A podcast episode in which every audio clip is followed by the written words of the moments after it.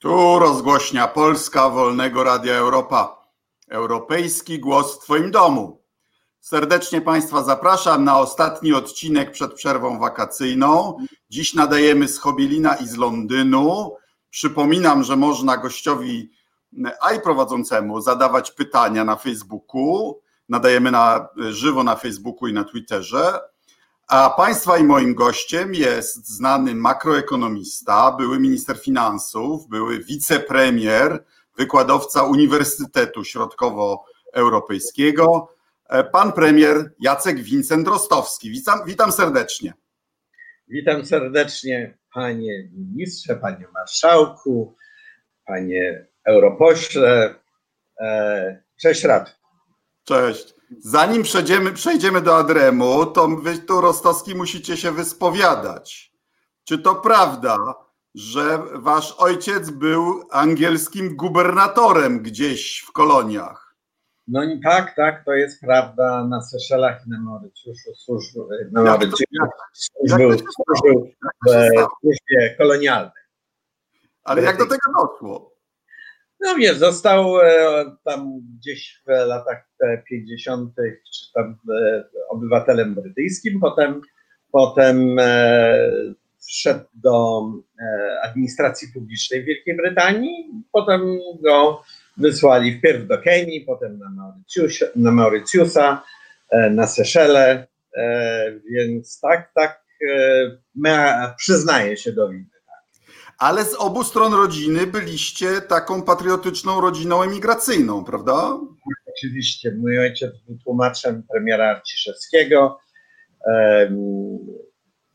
Tłumaczył dla niego na przykład w rozmowach z e, wicepremierem Matlejem w sprawie pomocy e, e, lotniczej, a szczególnie dostarczanie broni dla powstańców warszawskich. E, w pewnym momencie zresztą opowiadał mi, że e, Atli tak się zdenerwował, a Atli palił fajkę, że w pewnym momencie tak się zdenerwował, że tą fajkę złamał po prostu w swoich rękach. Bawił się nią, a potem ją złamał. Więc e, tak, no różne, różne ciekawe takie momenty. Kiedyś w FT Halo? czytałem artykuł, w którym opisano cię przy okazji którejś z rad europejskich jako, e, jako urodzonego w Kenii, co brzmiało jakbyś był czarnoskóry, ale i zdaje się to nieprawda, tak? W Kenii chodziłeś do szkoły. Brytyjska technologia szwankuje. No, tak. Y, kiedyś FT napisał, że byłeś Kenyan born, co brzmiało jakbyś był czarnoskóry, ale to zdaje się nieprawda, prawda? Jeśli chodzi o kolor skóry, jeśli chodzi o to, że pono, ponoć miałem się urodzić w Kenii. Nie, do Kenii e, rodzina wyjechała, w, kiedy miałem 7 lat, w 58 roku. No dobra, a kontynuując spowiedź, już teraz e, od strony merytorycznej, y, to y, jak tłumaczysz to, że e, mówiłeś swego czasu, że pieniędzy nie ma, i nie będzie na wszystkie obietnice PiSu. A okazało się, że na niektóre starczyło. Tak, no ale tak jak powiedziałeś, mówiłem o wszystkich. Zresztą chciałbym wrócić do tego, co w ogóle też trochę w lżejszym tonie. Bardzo mi się nie podoba, że jakiekolwiek e, najmniejsze naleciałości regionalne w Polsce są tak tępione. Mój ojciec e, Lwowiak, e, Kobita, Lwiwi, Lwowi, Lwowi. Pieniądze to naprawdę jest małe piwo, kilka groszy w porównaniu z Lwowi. Słuchałem Władę ostatnio, śpiewającą lwowskie piosenki, między innymi tam właśnie w Lwowi. Więc w odróżnieniu od innych krajów, które mm, no, może lepiej się czują z regionalizmem, e, w Polsce mamy z tym poważny problem. No ale dobra, ale czy, czy przyznajesz do zarzutu, że e, za długo ciągnęłeś finanse w trybie e, austerity, w trybie oszczędnościowym i że przegapiliśmy jako rząd moment, w którym można było poluzować i, i, i, i wydać więcej na socjal?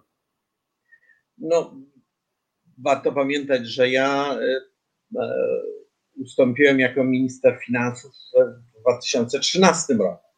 To był drugi rok tego bardzo trudnego, w pewnym sensie trudniejszego kryzysu wynikającego z tego, co się działo w Europie Zachodniej, tak zwanego kryzysu strefy euro, który jednak oczywiście w Polskę uderzył, no bo jak my eksportujemy 50% naszego dochodu narodowego, a 70% tego idzie do strefy euro, no to to, co się dzieje w strefie euro, musi się na nas odbić. Więc 2013 roku myślę, że takich możliwości nie było. Zresztą cała nasza strategia, bo może to, co mówisz, jest prawdziwe z punktu widzenia czysto politycznego, ale z punktu widzenia jakby myśli o przyszłości i dobrobycie kraju, to y, trzeba pamiętać, że cała nasza strategia polegała na tym, żeby twardo trzymać wydatki, wszystkie, z wyjątkiem tych wielkich inwestycji europejskich, przecież do których trzeba zawsze dopłacić drugie tyle. No jak, jak Unia daje nam 50% na autostradę, no to drugie 50% trzeba sfinansować. Dzięki tym wielkim inwestycjom stało się tak, że teraz każda część Polski jest, prawie każda część Polski jest w zasięgu autostrady. Stamtąd można eksportować na ten olbrzymi 500 milionowy rynek europejski. I to właśnie dzięki temu bezrobocie w Polsce spadło e, tak znacząco e, w następnych latach. I już zaczęło się to e, w naszych latach, ale potem dalej, dlatego że to wielkie bezrobocie, tak zwane strukturalne, regionalne, zostało usunięte dzięki właśnie tym autostradom, które pozwala, pozwoliły postawić fabrykę no, prawie gdziekolwiek w naszym kraju. Do którego roku byliśmy w procedurze nadmiernego deficytu? Oj, szczerze mówiąc, muszę przyznać, że nie pamiętam, ale myślę, że do 15. Czyli w 13 nie można było tego robić, czyli 15 na pewno nie.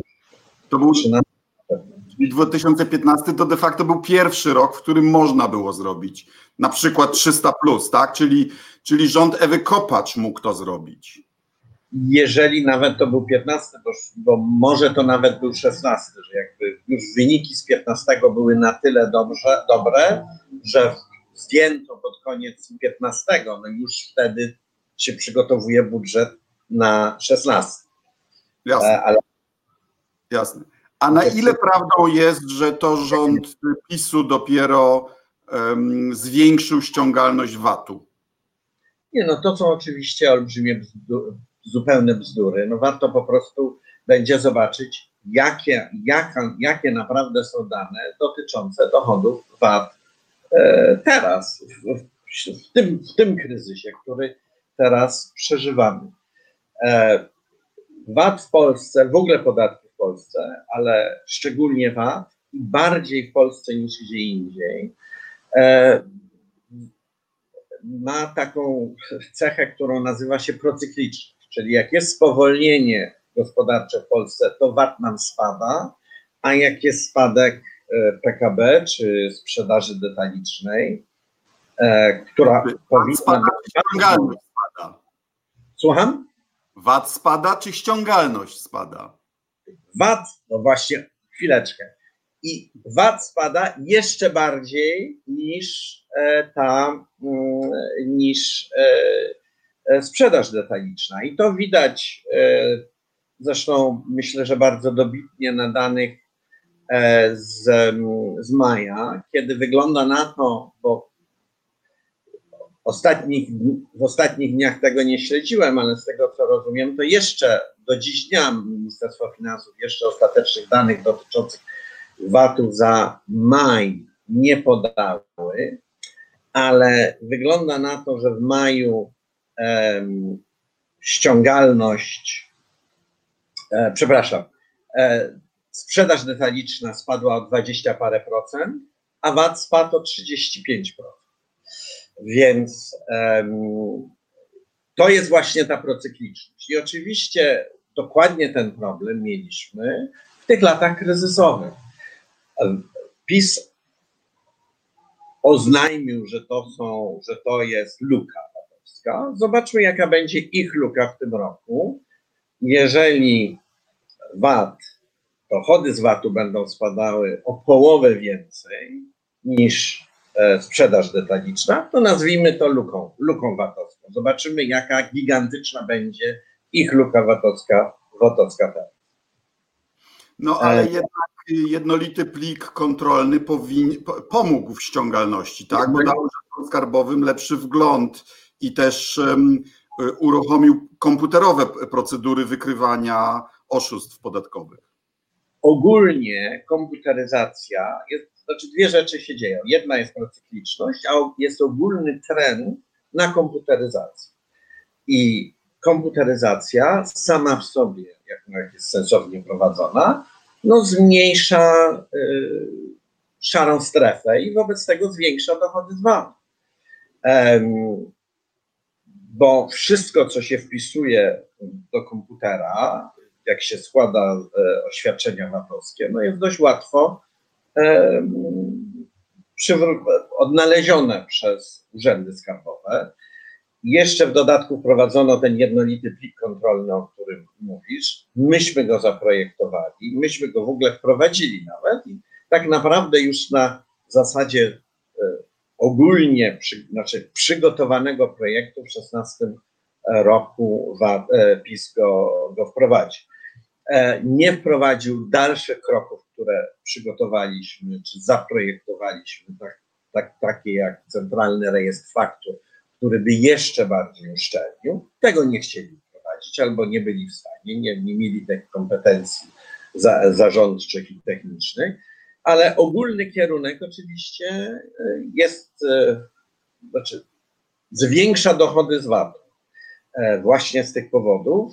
Oni na tym korzystali, oznajmili to wielki, swój wielki sukces na zasadzie pracy naszych, naszych wiceministrów, Janusza Cichonia, Maćka Grabowskiego, Izy Leszczyny. E, te wszystko, ta praca zaowocowała już za czasów PiS mm, i oni nawet, można powiedzieć, trochę przehamowali e, tą e, informatyzację, komputeryzację. No, tak byli zachwyceni swoimi osiągnięciami, bo oczywiście jak mówimy o procykliczności, to ona także działa w drugą stronę. Jak jest dobra koniunktura, to dochody rosną więcej niż podstawa E, e, tego podatku, czyli tych, e, tej sprzedaży detalicznej. Więc mieli dotąd wielkie szczęście, szczęście się skończyło i będą jęczyć tak jak Donald Trump, że świat jest dla nich niesprawiedliwy. Jeśli pani premier Szydło nie kłamała z trybuny sejmowej, że zarządów Platformy ukradziono, czy też ukradliśmy już nie pamiętam, czy to było 250 czy 350 miliardów złotych. To dnia. To, to, dlaczego ty jeszcze nie siedzisz? Dlaczego ja nie siedzę? No, no to jest bardzo dobry, no tak, to, to, to, jest, to, to jest bardzo dobre pytanie. E, oczywiście nikomu żadnych, e, żadnych zarzutów nie postawiono. E, z mm, ekipy Ministerstwa Finansów, e, no bo po prostu to była kompletna bzdura. E, zresztą była komisja VAT-owska, którą oglądałeś. Zapewne oglądałeś niektóre chociażby z posiedzeń. No i, no i co? I wyszło, że tak, no jest procykliczność w VAT-ie i że tak naprawdę nie mieli żadnych zarzutów, które e, nie mam na myśli nawet, e, nawet e, karnych, tylko nie, nie mieli żadnych zarzutów, które można by nazwać politycznymi, tak? że coś źle zrobiliście. Nie, po prostu. I, ale ja myślę, że sprawdzian tego trzeciego wielkiego pisowskiego kłamstwa, bo pierwsze wielkie kłamstwo pisowskie to było, to było kłamstwo smoleńskie. Tak? E, drugie kłamstwo to było kłamstwo o uchodźcach, że miliony uchodźców nas zaleją. No i trzecie kłamstwo pisowskie to było kłamstwo watowskie. I dzisiaj mamy sprawdzian tego kłamstwa watowskiego. E, jak mówię, no przy 22% spadku sprzedaży detalicznej, 30-paroprocentowym spadku dochodów z VAT, no to bardzo proszę. Pokaże się. A co powiesz o argumencie nawet um, zachodnio wykształconych um, przeciwników naszego członkostwa w Unii Europejskiej, że um, co prawda dostajemy wsparcie na inwestycje z e, funduszy spójnościowych, ale jeszcze większy jest odpływ kapitałów y, z Polski no, poprzez y, dywidendy wypłacane przez y, inwestorów w Polsce i właściwie ten odpływ jest większy niż ten przypływ.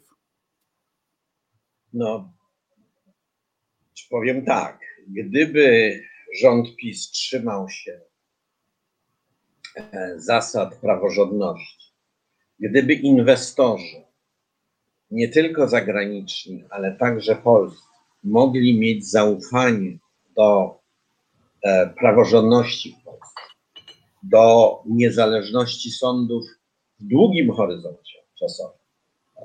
Że sądy, że nie będzie tak, że upartyjnione sądy będą za kilka lat sprawy decydowały nie tylko na korzyść spółek Skarbu Państwa, to już jest e, niesamowicie niebezpieczne, ale na korzyść rodzin i przyjaciół różnych pisowskich królików, tak? No bo to wszystko idzie w tym kierunku.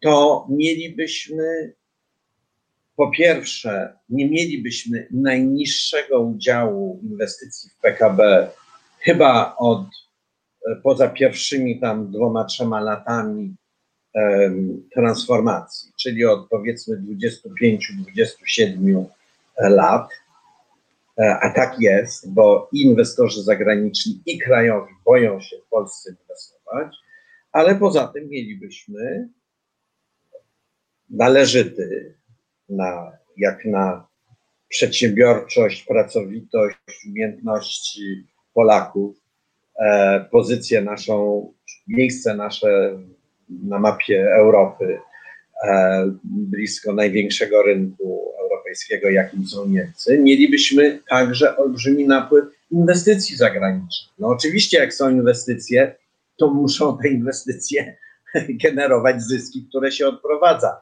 ale model był skonstruowany na tym, że te inwestycje będą dalej napływały, tak? I one będą większe od zysków, które są, e, które idą z powrotem. Znaczy, co to znaczy, że te zyski że netto inwestycje po ujęciu, po jakby odjęciu e, repatriowanych zysków e, do krajów inwestorów, e, co to znaczy, że, że, że, te, mm, że te inwestycje potem, po takim dostosowaniu są ujemne? No to znaczy po prostu, że chcą, że inwestorzy chcą swoje pieniądze z Polski wyprowadzać, zamiast w Polsce inwestować. No i to jest oczywiście jakby najgorszy z możliwych zaświadczeń, e, jeśli chodzi o jakość e, polityki gospodarczej e, tej ekipy. Wszystko, co mówisz, mi się zgadza, ale wydaje mi się, że błąd intelektualny, o którym ja mówię, jest jeszcze bardziej podstawowy. To znaczy, na Białorusi też są inwestycje zagraniczne i też po zainwestowaniu dywidendy są odprowadzane czasami e, z powrotem do kraju macierzystego, a Białoruś z kolei nie dostaje tych funduszy e, strukturalnych Unii Europejskiej. Czyli jakbyśmy nie byli w Unii Europejskiej, to, to dywidendy też by wypływały z kraju, tak? Więc to nie jest żaden argument przeciwko członkostwu. To na pewno nie jest argument przeciwko członkostwu.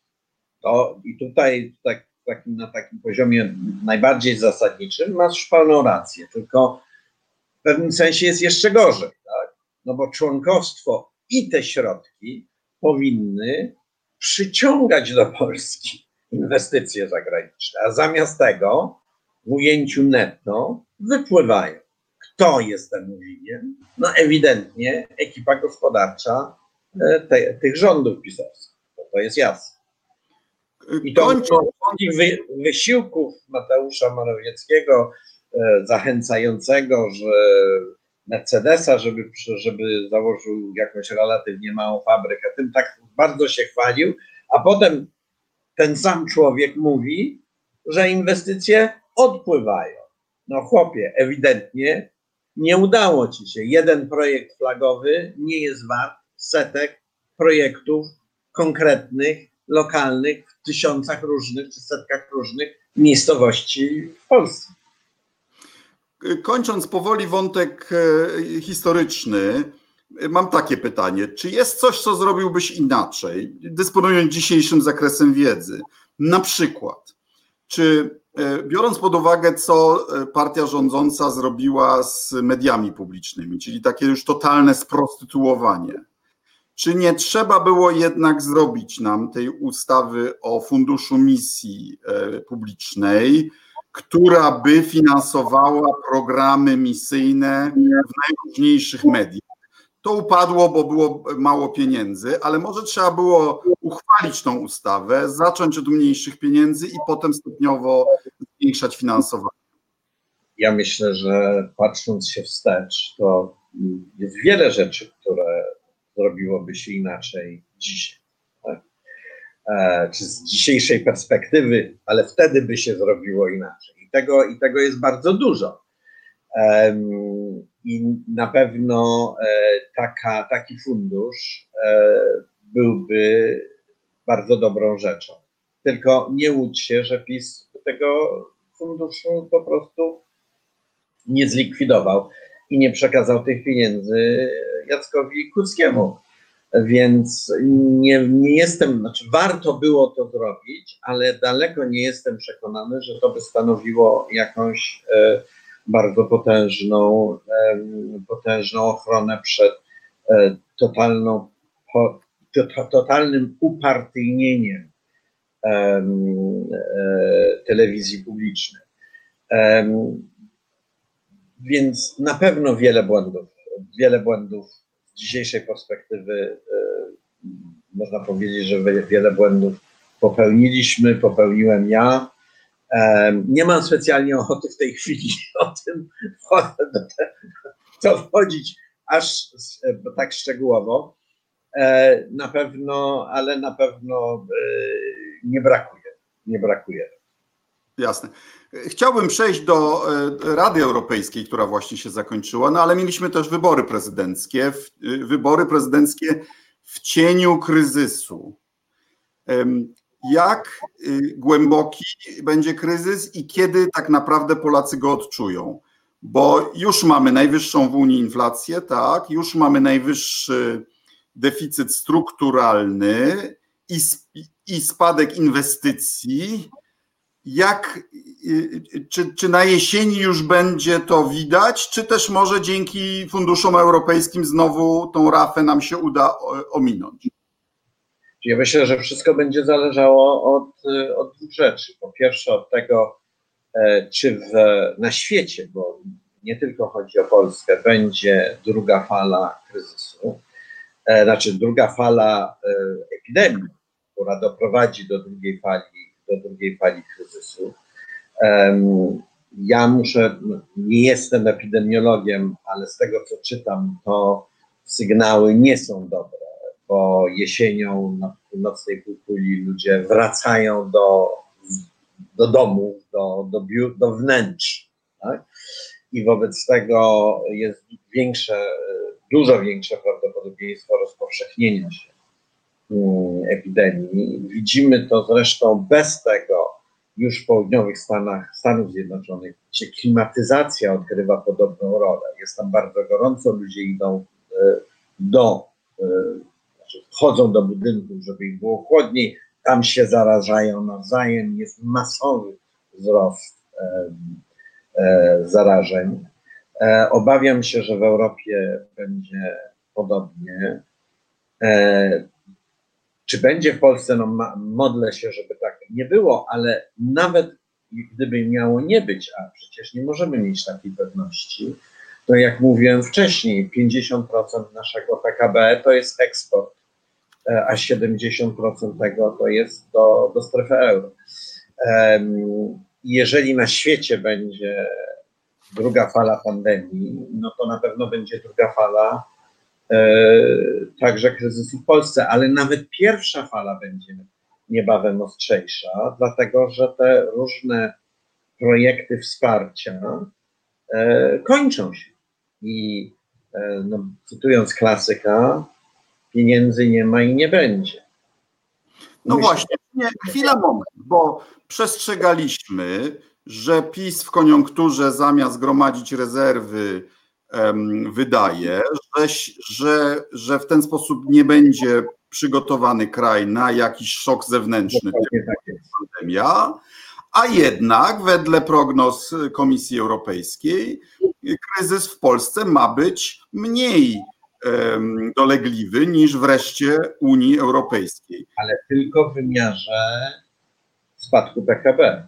PKB, no o tym mówimy. A w wymiarze wzrostu deficytu, wobec tego wzrostu długu publicznego i wzrostu bezrobocia, jesteśmy wśród pierwszych kilku państw Unii Europejskiej. Mhm. A dla ludzi jednak ważniejsze, nie, to jak mówili jak na, w Wielkiej Brytanii niektórzy w kontekście Brexitu, to wasze PKB, a nas obchodzi inflacja, bezrobocie i jeśli chodzi o nasze dzieci, wzrost długu. I te rzeczy, które są naprawdę no, konkretnie, bezpośrednio dla ludzi najważniejsze, to tutaj jesteśmy wśród najbardziej, najgorszych, naj, wśród krajów o najgorszym, o najgorszych prognozowanych wynikach. No i jeszcze w dodatku oczywiście, e, póki co rząd mógł sobie dać radę z tym, bo NBP de facto drukuje pieniądze puste i finansuje ten deficyt, ale w długim, dłuższym horyzoncie czasowym nie będzie to do utrzymania. Europejski Bank Centralny też drukuje pieniądze. Ale Radku, czy wolisz puste euro, czy puste złoto? Znaczy, może no z powodów patriotycznych wolimy złote, ale rynki światowe, od których e, każda władza tak szczególnie taka jak Polska, musi e, pożyczać, no to te rynki światowe wolą euro, te puste euro. Puste nie przekonujmy się. A nie sądzisz, że to jest coś bardziej podstawowego, to znaczy po prostu inna struktura polskiej gospodarki? E, w Polsce większą częścią gospodarki stanowi rolnictwo, a, a zdaje się, że idziemy na rekordowe zbiory, bo jako mieszkaniec wsi mogę ci powiedzieć, że to, to słońce, deszcz, słońce, deszcz jest bardzo, bardzo dobre. Tak? I, e, a z kolei mniejszą częścią e, naszej gospodarki są usługi, e, bo nie jesteśmy aż taką mekką turystyczną i, nie, i, i ludzie jednak jadają w domu bardziej niż w restauracjach i tak dalej. Więc tu nas może mniej to dotknąć niż zachód Europy. No może nas mniej dotknąć, tylko pytanie jest, czy jesteśmy bardziej odporni. Tutaj mam poważne, bardzo poważne właśnie w kontekście, o którym mówiłem. No i wiemy, że rząd już e, puszcza próbne balony o tym, żeby podnieść limit relacji długu do PKB z 3 piątych. E, no bo widać, że w tych 60% tego limitu konstytucyjnego widzą, że się nie zmieszcza. E, wracając jeszcze do rolnictwa, rolnictwo zatrudnia dużo ludzi, ale, osób, ale jednak jako e, udział PKB to, to, jest, e, no to jest mały udział, 2,5%. No ale w zatrudnieniu, w tym o czym ty mówiłeś, jest, jest, jest dość duży, prawda? Tak, ale, ale jeżeli... I w eksporcie jest bardzo duży, to jest druga... To widzimy, że on będzie bardzo duży. Tak? I to jest, to jest, to jednak jest najważniejsze. Więc, ale wracając, no, kwestia długu publicznego jest ta, która i tego wzrostu długu publicznego jest to, co mnie najbardziej wstrząsa, no bo jest jasne, że rząd wiedział, co się, co się, co się kroi podczas wyborów prezydenckich i ani słówka. Ukrywał dane dotyczące dochodów. Trzymali na po wyborach, prawda? I trzymał to aż po wyborach. No Jak i teraz, można utrzymywać te wybory były, były tak naprawdę wygrane na zasadzie wielkiego no, gospodarczego kłamstwa, że wszystko jest wspaniałe. Tak? Mateusz Morawiecki jeździł po kraju i tłumaczył, jak świetnie sobie kraj da, daje radę, czy rząd daje radę z tym, z tym kryzysem. E, na tej zasadzie te wybory wygrali. Teraz przychodzi, przyjdzie, przychodzi, przyjdzie sprawdzian. Jak długo można uży, utrzymywać stopy procentowe w okolicach zera przy inflacji 3,8%? E, czy to się nie odbije na złotówce? To nie musi się odbić na złotówce, póki tak naprawdę rynki są gotowe e, to tolerować i jeśli chodzi o wartość złotego, i jeśli chodzi o, to jest może jeszcze ważniejsze, gotowość e, kupowania skarbowych papierów wartościowych. Ale problem polega na tym, że jeżeli byśmy się, co nie daj Bóg, zgodzili na podwyższenie tego limitu konstytucyjnego, jak sugeruje rząd tam w różnych e, kuluarowych rozmowach, w różnych balonach próbnych do 90% PKB, do 90 60, e, no to, e, to wtedy wszystko może być dobrze przez jakiś czas. Światowe stopy procentowe są bardzo niskie, ale jak się odbiją, to nasze dzieci, nawet to nie będą wnuki, będą po prostu zbankrutami. Czy kraj stanie się bankrutem tak jak, tak jak, tak jak Grecja.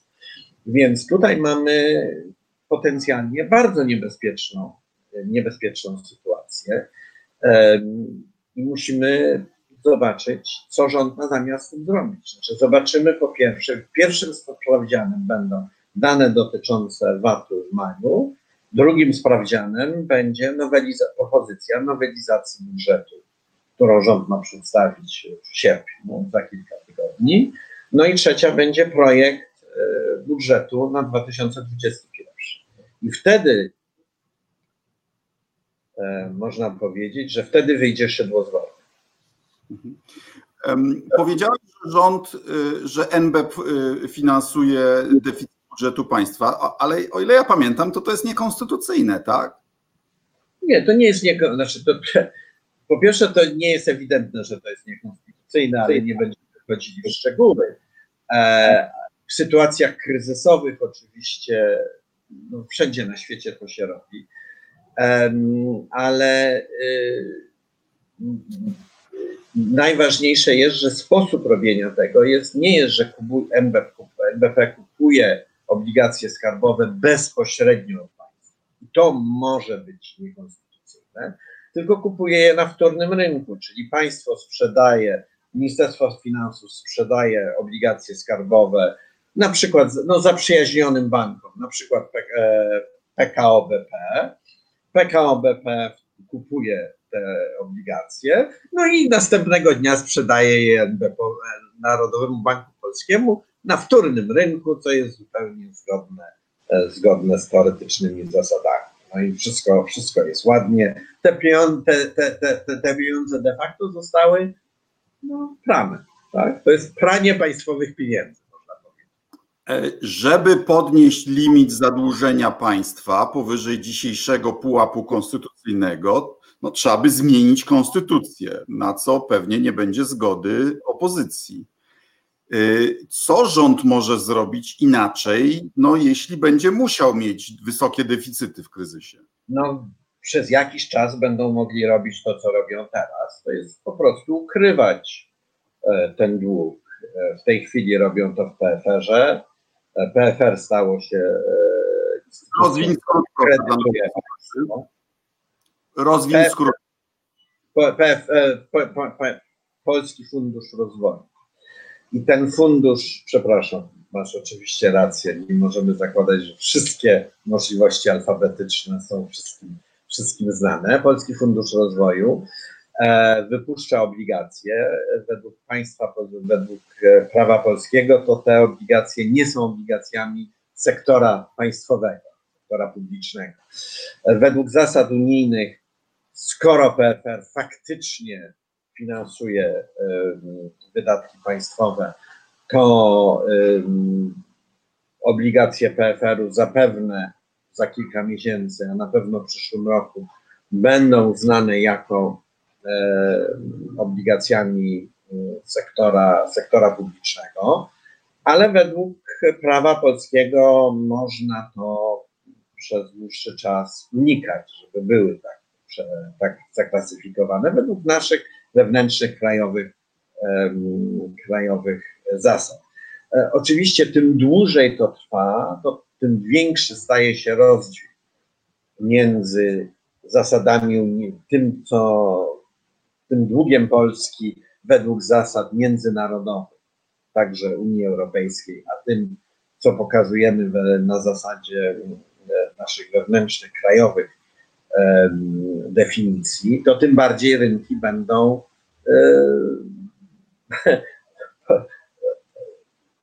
widziały, że tutaj następuje jakieś oszustwo.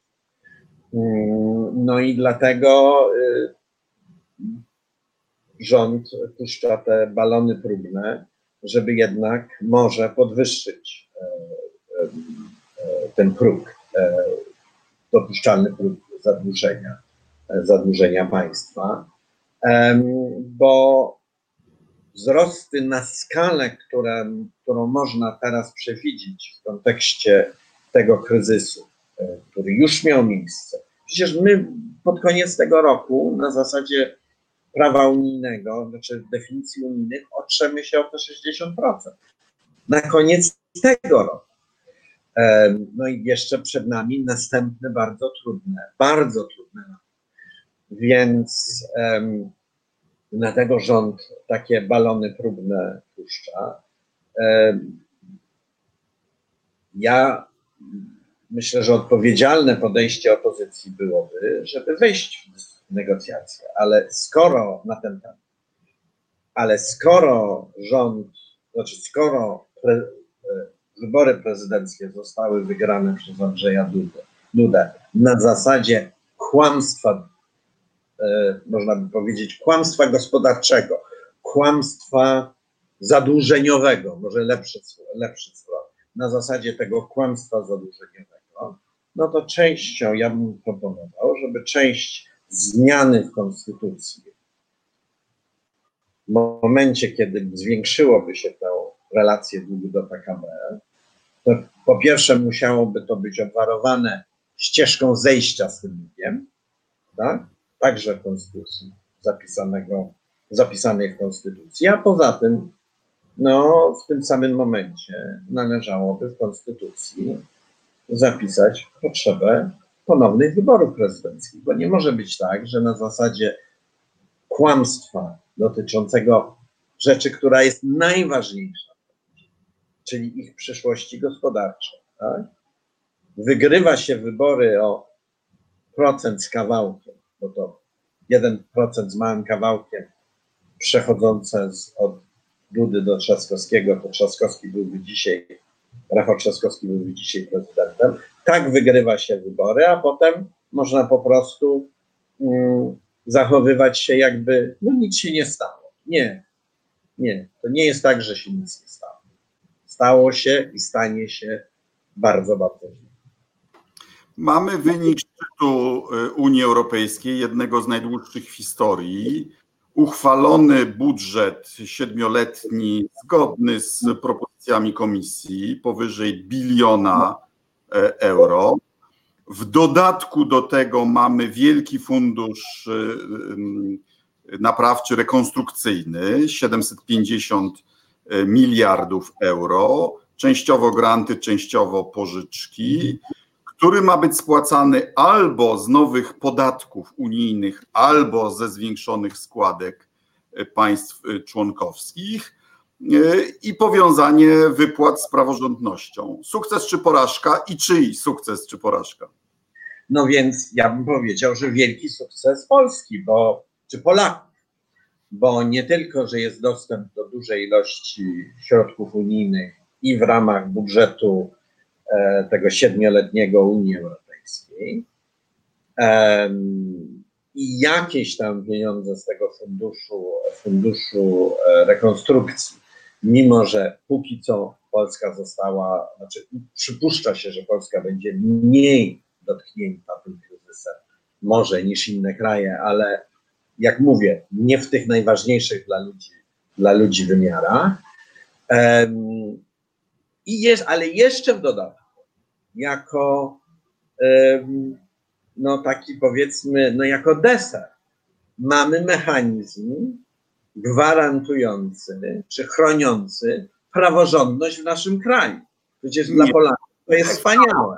Chwila, moment. No premier, premier Polski mówi solennie z trybuny sejmowej, że nie ma takiego mechanizmu, bo wszystko sobie można zawetować na koniec na Radzie Europejskiej. No to trzeba przeczytać także w języku polskim dokładne słowa konkluzji. Dokładne słowa konkluzji mówię teraz oczywiście z pamięci, ale brzmią, że komisja zaproponuje mechanizmy e, wstrzymy, zabezpieczenia e, tych środków i w budżecie, nie tylko w tym nowym funduszu rekonstrukcji, ale także w budżecie, e, przed skutkami wynikającymi z, z braku praworządności w krajach członkowskich i że Rada Europejska, przepraszam, Rada Unii Europejskiej, czyli ministrowie finansów faktycznie, Rada, gdzie kraj, poszczególne kraje reprezentują ministrowie finansów, podejmie e, decyzję w tej sprawie e, większością głosów. Czyli 55% e, krajów z 65% ludności. Polska i Węgry razem stanowią chyba 12% ludności Unii Europejskiej. Nie ma żadnej szansy, żeby zawetować te działania. Ale jak wiesz, tam jest to zdanie, które mówi, że Rada Europejska wróci do tej sprawy, rychło wróci do tej sprawy. I zdaje się, że nasi decydenci się tego zdania uczepili, sądząc, że, że to oznacza, że Rada Europejska może tak, jakby kompletnie Europejskiej, a ja rozmawiam z no, ludźmi, którzy się znają, że to jest absolutnie nieuprawniona interpretacja. Więc... Absolutnie nieuprawniona i zresztą zabawne jest, że to zdanie, które jest po tym pierwszym, o którym mówiłem, jest oddzielone od dwoma pustymi linijkami, żeby jakby podkreślić typograficznie, że nie należy interpretować tego poprzedniego zdania w kontekście tego, tego drugiego. Kilkakrotnie w tym artykule 23 mówi się w kontekście powyższego i tak dalej, e, dwukrotnie, jak się nawiązuje do czegoś, co było wcześniej napisane, a w tym zdaniu, na początku tego zdania, nie ma czegoś takiego. E, jest ewidentne, że po prostu dali się e, da, albo, świat, albo po prostu wywiesili białą flagę, albo dali się bardzo taki, no, dzieci, no tak jak się ogrywa dzieciaki, no, ograni. E, bo to jest takie zdanie, które wisi bez... Jaka, jaka jest twoja teoria? Czy Morawiecki wiedział, co podpisuje, tylko ja potrzebował dupochron wobec Kaczyńskiego i Ziobry, czy, czy dali się ograć, czy jedno i drugie? No czy dali się ograć, o tym się Trudno powiedzieć. Osobiście podejrzewam, że Konrad Szymański wiedział, co Morawiecki podpisuje, czy Morawiecki wiedział, co Konrad Szymański wiedział, to nie. Trochę to nie trafia do e, głównego nurtu dyskusji, ale e, Fundusz Trans Sprawiedliwej Transformacji, który miał być tym instrumentem, dzięki któremu kraj taki jak Polska z jeszcze dużym sektorem węglowym miał najbardziej skorzystać, on został obcięty o dwie trzecie a o trzy czwarte wobec pierwotnych propozycji komisji został e, obcięty już i tak na, na począt, od początku niewielki e, fundusz obronny Unii Europejskiej. To dwie niekorzystne okoliczności, prawda? Pełni niekorzystne, bardzo złe dla Polski. E, wielka szkoda i to jeszcze kolejny dowód na to, jak nieodpowiedzialnie, myśląc czysto kategoriami wewnętrznej rozgrywki partyjnej, te negocjacje prowadził e, Mateusz Morawiecki. To jest bardzo zły wynik, ale naprawdę wracając jeszcze i, zgadzam się z Tobą, no i jeszcze trzeba powiedzieć jeszcze jedną ważną rzecz, że, że ten, e, te, ten fundusz wzmocnienia strefy euro jest też korzystny dla Polski, znaczy Unii Europejskiej jako całej. Tak? ten fundusz 750 miliardów, jest bardzo korzystny dla Polski. Nie, nie tylko dlatego, że my dostajemy pieniądze, oczywiście, jeżeli będziemy się trzymać zasad praworządności, które oczywiście są korzystne dla Polaków. Znaczy, wszystkie są, znaczy, praworządność jest korzystna dla Polaków, ale jeszcze w dodatku, dlatego, że wzmacnia samą Unię, wzmacnia szczególnie strefę euro, która no, podczas ostatnich, poprzednich kryzysów była nadwyrężona i e, to właśnie spowodowało ten kryzys 2012-2013 roku. No wiemy z tamtego doświadczenia, że tego rodzaju kryzys w Europie jest dla Polski bardzo niebezpieczny. Więc stworzenie, znaczy to, że taki duży fundusz został e, przyjęty, że taka duża część, choć mniejsza niż pierwotnie zakładano, niestety, o, o prawie jedną piątą, mniejsze o prawie e, o trochę ponad jedną piątą, e, jest ta część, która stanowią, którą stanowią granty, która jest najważniejsza właśnie dla krajów w sytuacjach trudnych, jak szczególnie trudnych, jak Włochy czy Hiszpania, no bo to są kraje, gdzie ten turyzm, jak wcześniej wspomniałeś, jest dużo większą częścią e, gospodarki, no to wzmocnienie gospodarcze Unii Europejskiej tym mechanizmem jest też bardzo dobrą wiadomością dla Polski. Więc, więc tak naprawdę PiS, PiS ten szczyt przegrał, szczególnie Mateusz Morawiecki, ale Polacy, mimo tych dwóch elementów tej, tej, tej tego Funduszu Transform Sprawiedliwej Transformacji i Obrony, które zostały okrojone, ale ogólnie rzecz biorąc, Polacy ten szczyt jak najbardziej wygrali powinniśmy się naprawdę tym cieszyć.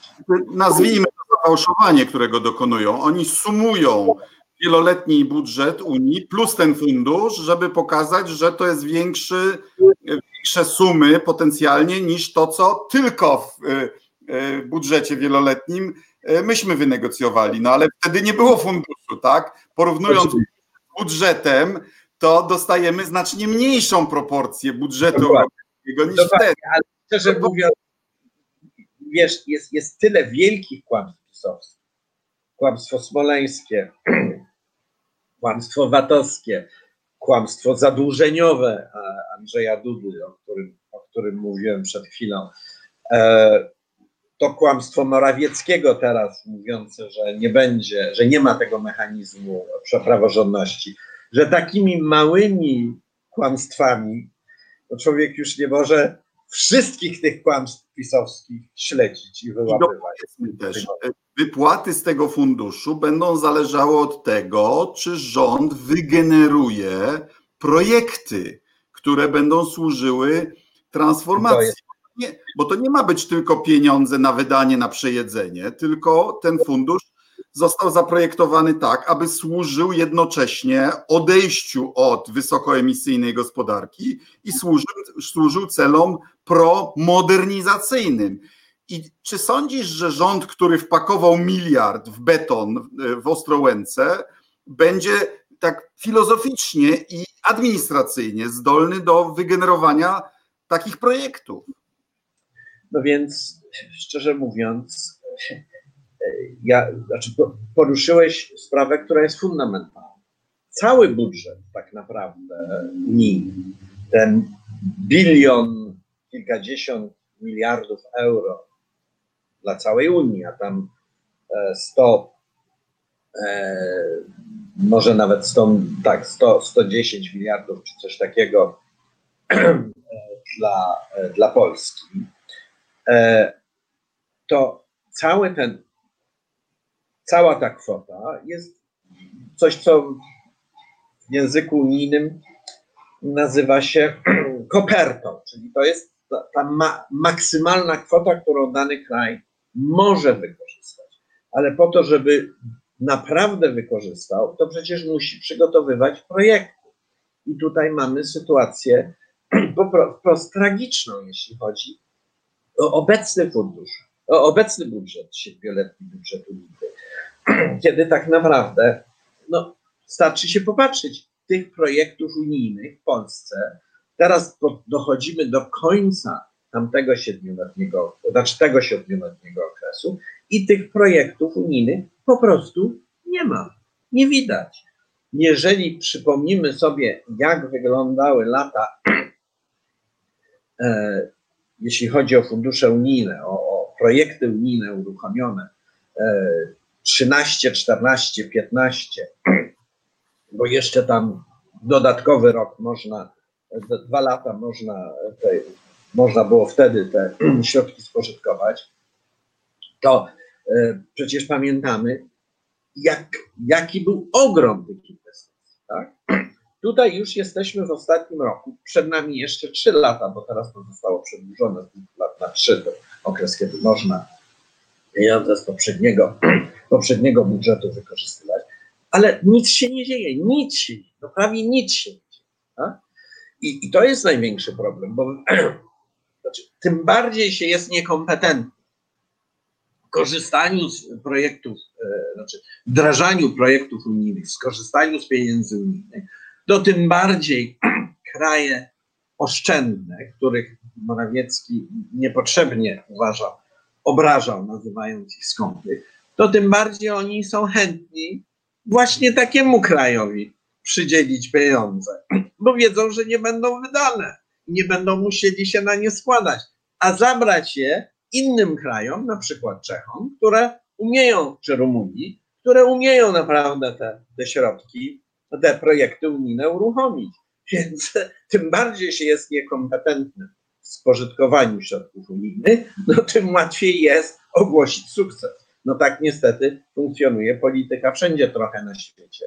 Mm, no ale to jest też element tych, y, jak mówiłeś, bardzo przesadzonych, ale tych, tych, tych rzekomych sukcesów, e, sukcesów e, tej ekipy. Dwa pytania, bo jak wiesz, ten fundusz odbudowy e, ma być spłacany z, albo z podwyższonych składek, albo z paneuropejskich nowych podatków, tak zwanych dochodów własnych. To ma być podatek być może cyfrowy, podatek od y, transgranicznych korporacji, być może od transakcji finansowych, ale jak wiesz, wobec tych paneuropejskich podatków jest spory opór y, w Unii Europejskiej. Natomiast popiera mnie, ku memu zdziwieniu, y, pan premier Mateusz Morawiecki. No a e, wspólne podatki to jest jedna z cech państwa federalnego. E, więc jak to jest, że oni do swoich e, zwolenników mówią, że Unia to wyimaginowana wspólnota powinna być Europą ojczyzn, strefą wolnego handlu, a de facto w interesie finansowym Polski, prawda, wspierają wspólne opodatkowanie. Więc pytanie, będzie to wspólne opodatkowanie czy nie i jak to się ma do tej do ideologii PiSu? No, to właśnie pokazuje, że ta ideologia jest, no można by powiedzieć, no na pewno nie jest specjalnie logiczna ani ścisła, że ona jest taka ideologia oportunistyczna. Widzę, że było pytanie, ale z tej odległości, e, siedząc z tej odległości od ekranu dokładnie tego nie widziałem, e, dokładnego zapisu tego pytania. Ktoś nam przysłał pytanie. Tak, e, mamy sporo pytań, ale sporo. nie wszystko możemy... Bardzo proszę, ale to oczywiście... O, panowie, powiedzcie, jak ratować skórniaki emerytów przed inflacją? Złoto ostatnio dobrze idzie w górę. Ja powiem tak. E, osoby tak jak ty i ja nie powinniśmy naprawdę ludziom mówić, co powinni z pieniędzmi robić, bo to jest zbyt duża odpowiedzialność. Jak to jest zbyt duża odpowiedzialność. Nie, wracając, pomijając już PiS, czy politycznie, e, biorąc pod uwagę, że powstaje teraz silny bodziec, żeby wprowadzić te podatki, będą paneuropejskie podatki, czy nie? Raczej wątpię. Znaczy, nie wiem dlaczego, niektóre będą, bo i tak, przepraszam, powiedzmy inaczej. Będą te, które Unia chce nałożyć tak naprawdę głównie na graczy czy na podmioty pozaunijne. Więc na przykład podatek od handlu internetowego, czy od różnych aspektów, czy od działalności różnych firm internetowych, które głównie są amerykańskie, na to możemy się wszyscy zgodzić, tak? No bo, bo Amerykanie płacą, tak? Albo jakaś. Wiceprezydent Pence już powiedział w Warszawie, że Polska nie wprowadzi podatku cyfrowego. I rozumiem, że się, że, że, że, że, e, nawet bez poklepywania po plecach po prostu robią to, co, e, to, co Stany Zjednoczone im każą. Ale ogólnie jest chęć e, działania w tym kierunku. E, podatek od e, działań instytucji finansowych e, po części prawdopodobnie byłby także płacony przez instytucje amerykańskie lub brytyjskie. Wobec tego też jest, istnieje pokusa, żeby właśnie taki podatek wprowadzić. Więc tego rodzaju podatki myślę, że mogą powstać. Szersze podatki to będzie bardzo trudne. E, ale oczywiście dopiero, ale jest, ale tu Morawiecki ma rację. Znaczy, potrzebujemy w pewnym zakresie działanie federalne na, e, na skalę europejską i wspólne podatki, bardzo ważne, bardzo potrzebne Europie e, właśnie w tym wymiarze i w pełni, w pełni popieram pana. Morawiecki ma też rację, że powinniśmy walczyć z rajami podatkowymi wewnątrz Unii, ale to oznacza, że centrum musi mieć na tyle władztwa, żeby zmusić niektóre państwa członkowskie do zrobienia tego, czego one nie chcą zrobić. Oczywiście. Czyli musi być to element federalistyczny y, nałożony na konfederację. Tak ogólnie, tak ogólnie jest, że każdy by chciał, żeby w tym zakresie, gdzie jemu to pasuje, był federalizm, a nie w tych zakresach, gdzie mu to nie pasuje. Dokładnie. E, widzimy, że PiS niczym się tutaj nie różni e, od wszystkich innych e, rządów europejskich i całe to gadanie jest w pewnej mierze antyfederalne, eurosceptyczne gadanie, jest po prostu tylko gadanie. Niebezpieczeństwo jest, że no, wykazali już dużą umiejętność wykiwania się sam, sam, samych sobie niebezpieczeństwo jest, że niechcący e, potkną się i doprowadzą do sytuacji, w której wypadniemy z Unii Europejskiej. To jest bardzo niebezpieczne. Zakończmy pytaniem od słuchacza. Pan Wiesiek Eł pyta, czy, a ja dodam od siebie w, e, także e, w związku z tym, że już nawet Bułgaria i Rumunia przystępują do węża walutowego, a większość naszych sąsiadów unijnych już jest w strefie euro, bo jest i Słowacja, i Niemcy, i państwa bałtyckie. Czy sądzisz, że przezwyciężywszy kryzys, już nadchodzi czas, żeby Polska wypełniła swoje zobowiązanie traktatowe i przystąpiła do waluty Unii Europejskiej, czyli euro? No więc jak wiesz, ja byłem za, e, dość sceptyczny w przeszłości, jeśli chodzi o przystąpienie do, do euro dlatego że uważałem, że euro jest na tyle mm, niedokończonym projektem, że jest więcej minusów niż plusów, żeby przystąpić na, na tamtym etapie. E, to, co się stało w ostatnich kilku dniach na tym szczycie, e, jest bardzo ważnym krokiem do przodu. Poza tym ten wielki kryzys wynikający z pandemii także pokazuje, że właśnie to, o czym mówiliśmy wcześniej, w niektórych sytuacjach wielkiego kryzysu mm, nie uciekniemy od drukowania pieniędzy. No i teraz pytanie jest, czy nasz bank centralny to jest taki, który drukuje pieniądze, których wszyscy chcą, jak euro, czy drukuje no, pieniądze, o których nie można powiedzieć, że wszyscy na świecie na rynkach światowych, na finans, w światowych rynkach finansowych, że je, że je chcą. Pusty złoty niestety jest dużo groźniejszy dla Polski niż pusty euro jest dla Słowacji czy Austrii, czy Niemiec, tak? czy, czy, czy, czy, czy Włoch.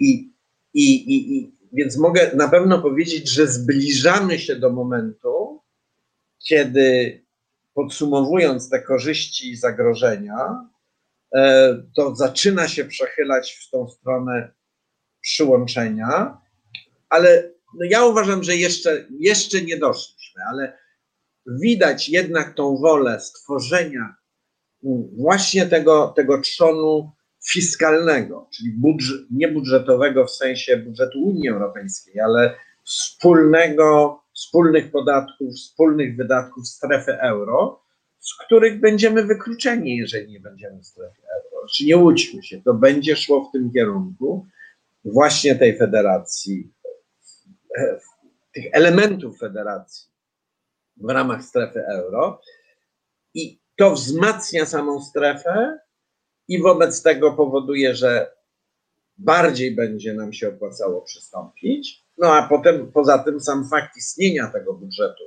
e, czy, czy tych elementów fiskalnych w ramach strefy euro, no to też powoduje, że będąc poza, tracimy.